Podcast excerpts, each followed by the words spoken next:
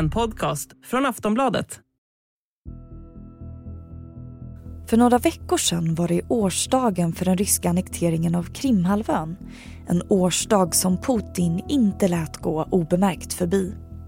På Luzhniki-stadion i Moskva samlades tiotusentals människor för att fira och i mitten av arenan stod Putin och talade om hur mycket bättre det har blivit för de som lever på Krimhalvön sedan Ryssland tog över området. Так получилось, что начало операции совпало, совершенно случайно совпало. Publiken jublade och viftade med ryska flaggor. Vissa av dem målade med ett Z, bokstaven som har kommit att bli en symbol för de som stöttar Putins invasion av Ukraina. Men mitt i en mening så avbröts tv-sändningen precis när Putin skulle börja prata om kriget. Eller som han själv kallar det, den militära operationen. Istället gick en konsert med patriotisk musik igång i tv-rutan. Совпало, совершенно случайно совпало.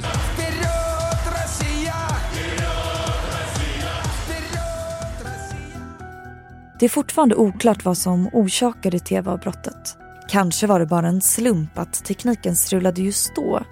Eller så var det den hårt kontrollerande statstelevisionen som blev lite nervösa. Oavsett så hann Putin få fram sitt budskap.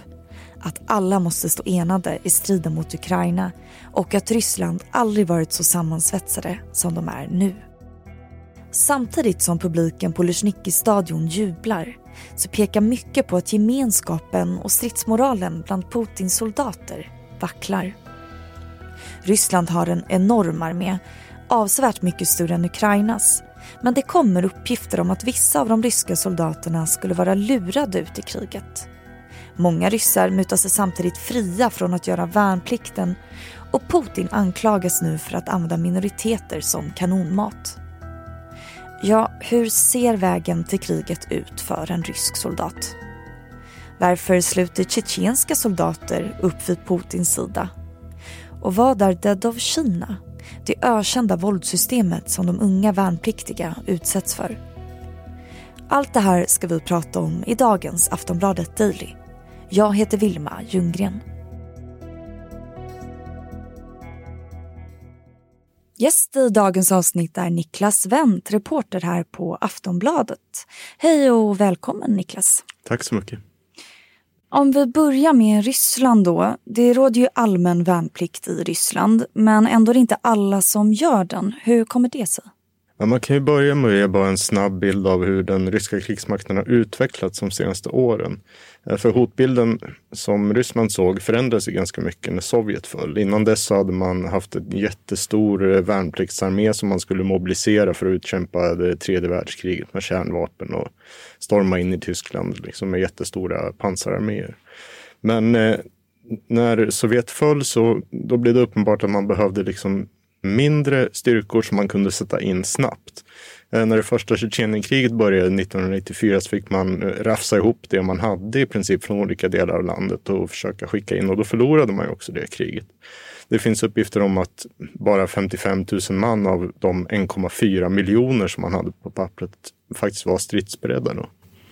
Så med början ungefär 2008 så försökte man göra om sin armé från den här massmobiliseringsarmén till en lite mindre men mer professionell styrka. Eh, och då, bedömningen har varit att det har lett till liksom högre moral, bättre löner och villkor och att man har fått liksom fördelar inom utbildningsväsende och tillgång till bostäder.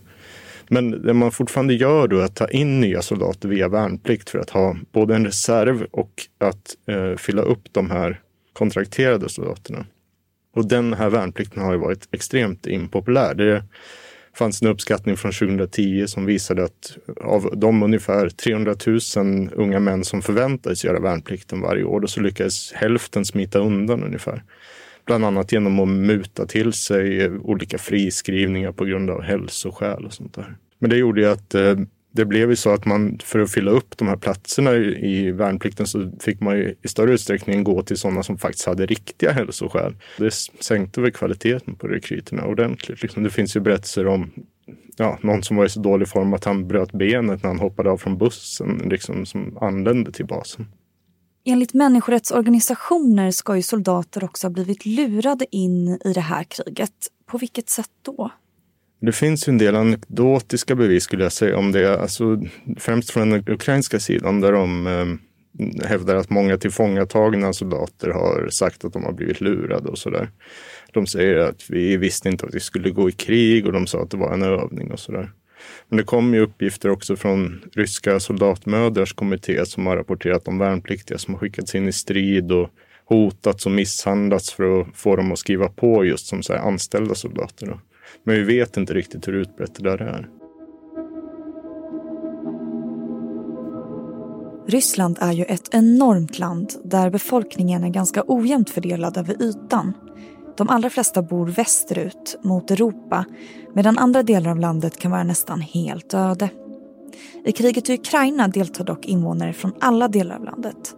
Den senaste tiden har vi sett fruktansvärda bilder på avrättade människor i den ukrainska staden Butja och enligt Ukrainas underrättelsetjänst kommer soldaterna som ska vara skyldiga till detta från ett område långt borta i Sibirien. I Ryssland, som i de flesta länder, finns det även en del etniska minoriteter. Och nu anklagas Putin för att använda just minoriteterna som kanonmat i kriget. Vi hör Niklas Wendt igen om hur det ser ut för Rysslands etniska minoriteter i det här kriget. Ja, de deltar absolut i striderna.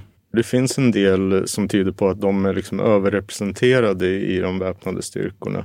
Det är en eh, rysk journalist som har publicerat en lista med ett 40-tal namn på skadade soldater från ett sjukhus i Rostov. Där över hälften hade då dagestanska namn och Dagestan är en sån här delrepublik i, eh, i Kaukasien. En undersökning från BBC har också visat att en majoritet av de bekräftade dödsfallen kommer från Dagestan eller Sydossetien eller Burjatien. Men det är inte säkert att det där är hela sanningen. Det finns saker som tyder på att man i Dagestan har varit till exempel mycket mer noggrann med att ta hem sina döda, att liksom rapportera alla dödsfall och sådär, vilket man inte verkar ha gjort i, i Ryssland i stort. Så det är inte säkert att det där stämmer. Men det, det, skulle inte vara förvånande om minoriteter utgjorde en oproportionerligt stor del av de väpnade styrkorna med tanke på Ehm, att de kanske oftare kommer från lägre samhällsklasser och har svårare att undvika värnplikten. Det har man sett i andra arméer också. Ehm, under Vietnamkriget så utgjorde svarta till exempel 11 procent av befolkningen i USA men 1967 var de 23 procent av de soldaterna i de stridande förbanden. Så ehm, det, det skulle inte vara förvånande alls. Aftonbladet Daily är snart tillbaka. Want flexibility? Take yoga. Want flexibility with your health insurance? Check out United Healthcare Insurance Plans. Underwritten by Golden Rule Insurance Company, they offer flexible, budget friendly medical, dental, and vision coverage that may be right for you. More at uh1.com. Okay. Förutom att olika ryska etniska minoriteter strider i Ukraina-kriget så ska även tjetjenska soldater ha medverkat. Det kan ju verka lite konstigt med tanke på att Tjetjenien nyligen stridit mot Ryssland för sin egna självständighet. Ja, vad är det som har hänt här egentligen? Vi hör Niklas Wendt igen. Ja, precis. Nej, det finns ju olika falanger i Tjetjenien kan man säga. Den nuvarande ledaren där, Ramzan Kadyrov, han är son till Ahmad Kadyrov som var en muslimsk religiös ledare som i det första Tjetjenienkriget stred mot Ryssland med sin milis. Då. Men i det andra kriget så bytte han sida och började stötta Ryssland och det var väl en, ett av de viktiga skälen till att Ryssland faktiskt kunde vinna det här andra kriget. Så Kadyrov har ju, kan man säga, Vladimir Putin att tacka för sin makt och i sin tur så garanterar han ju Ryssland liksom inflytande i Tjetjenien. Så det är, en, det är en symbios mellan de här auktoritära ledarna. Det ska även finnas en grupp legosoldater vid namn eh, Wagnergruppen. Vilka är de? Ja, det finns ju uppgifter om att uh, ungefär tusen legosoldater knutna till den här gruppen då ska sättas in i Ukraina.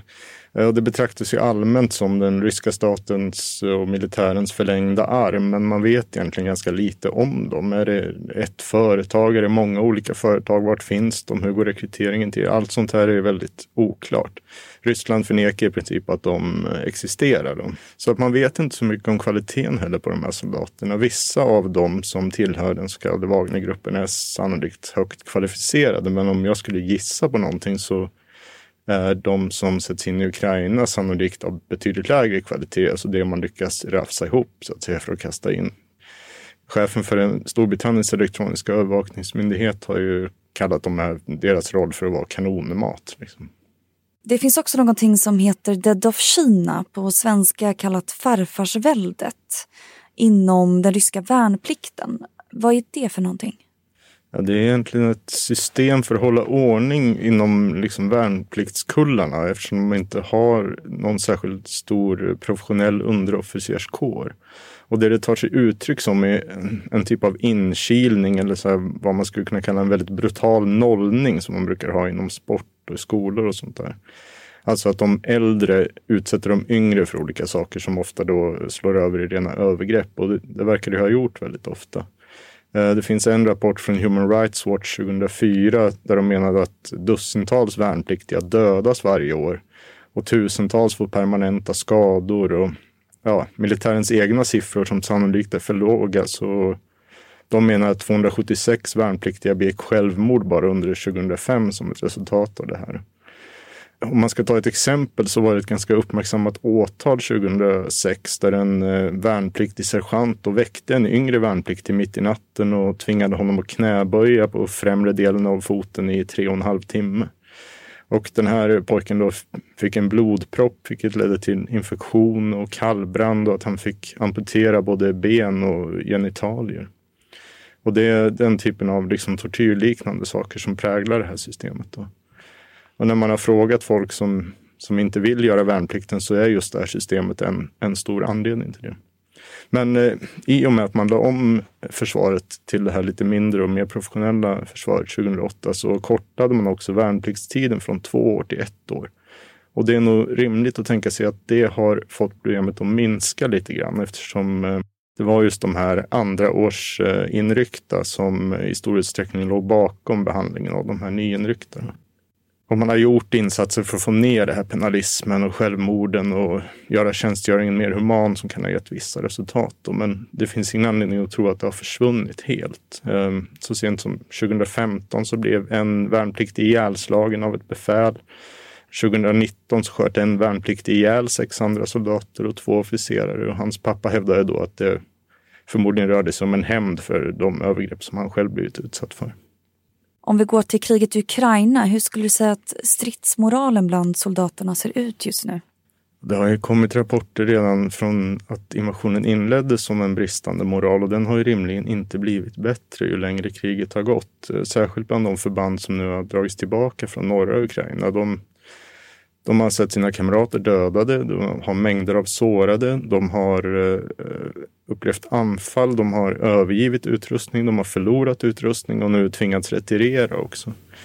Och de här misstänkta krigsbrotten som börjar uppdagas nu i de här områdena tyder också på en upplösning av både liksom moral och disciplin. De har lämnat sina egna döda och de har utfört de här eh, oerhörda övergreppen. Så det, det är inte normalt. Det är inte en det är inte soldater som mår bra eller som fungerar som stridande enheter. Och om vi går över till Ukrainas soldater då. Råder det allmän värnplikt även i Ukraina? Ja, det gör det. De tar in värnpliktskullar två gånger om året, även om de också haft ambitioner att gå mot en mer professionell armé. Så man har en reguljär armé och sen olika typer av reservstyrkor då, eh, där alla som har gjort värnplikt och haft stridserfarenhet i Donbass de senaste åren ingår. Ukrainas armé består väl även av en rad frivilligförband. Hur kommer det sig? När Ryssland invaderade Ukraina 2014 då, så hade den ukrainska armén i princip ingenting att sätta emot. Då. de var, soldaterna var få, utrustningen var gammal, den hade inte underhållits ordentligt. Eh, så efter ett presidentdekret där så började man sätta upp frivilligbataljoner helt enkelt på våren för att försvara sig mot det ryska angreppet, främst i östra Ukraina. Då. Och de hade väldigt hög stridsvilja och det var egentligen deras förtjänst att man lyckades liksom försvara sig så bra som man gjorde. Men sen dess så har ju den reguljära armén växt och de flesta av de här frivilligbataljonerna har i princip inordnats i den normala reguljära arméns eh, struktur. Och antingen inom inrikesministeriets nationalgarde eller inom armén som då sorterar under försvarsdepartementet. Folk från olika länder ska ju ha anslutit sig till Ukrainas armé för att stötta dem. Vet man ungefär hur många som har anslutit från Sverige? Nej, jag skulle inte säga att det finns några säkra uppgifter om det. Det har ju förekommit en del siffror i medier Men det är väldigt oklart hur det är i verkligheten. Då. Vi vet att folk åkt dit och vi vet att ett antal är svenskar. Det är vissa som har framträtt med namn och sådär. Men det går inte att säga något om hur många de är. Finns det några kvinnor som strider i det här kriget? Ja, det gör det nog alldeles säkert. Eh, inför liksom, den här invasionen så har jag sett uppgifter om att 15 procent av eh, de i eh, de ukrainska stridskrafterna var kvinnor. Så det verkar som att det har skett en stor utveckling där också. Att kvinnor tillåts i stridande förband i större utsträckning när de inte har tillåtits förut. Och jag tror att det är många kvinnor som gör stora insatser nu dagligen. Det var allt för idag. Tack så mycket Niklas Wendt. Tack. Du har lyssnat på Aftonbladet Daily med mig, Vilma Ljunggren och alltså Niklas Wendt, reporter här på Aftonbladet. Tack för att du har lyssnat. Du har lyssnat på en podcast från Aftonbladet.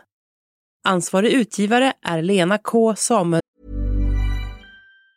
Normally, being a little extra can be a bit much, but when it comes to healthcare, it pays to be extra. And United Healthcare makes it easy with Health Protector Guard fixed indemnity insurance plans. Underwritten by Golden Rule Insurance Company, they supplement your primary plan, helping you manage out of pocket costs without the usual requirements and restrictions like deductibles and enrollment periods. So when it comes to covering your medical bills, you can feel good about being a little extra. Visit uh1.com to find the Health Protector Guard plan for you.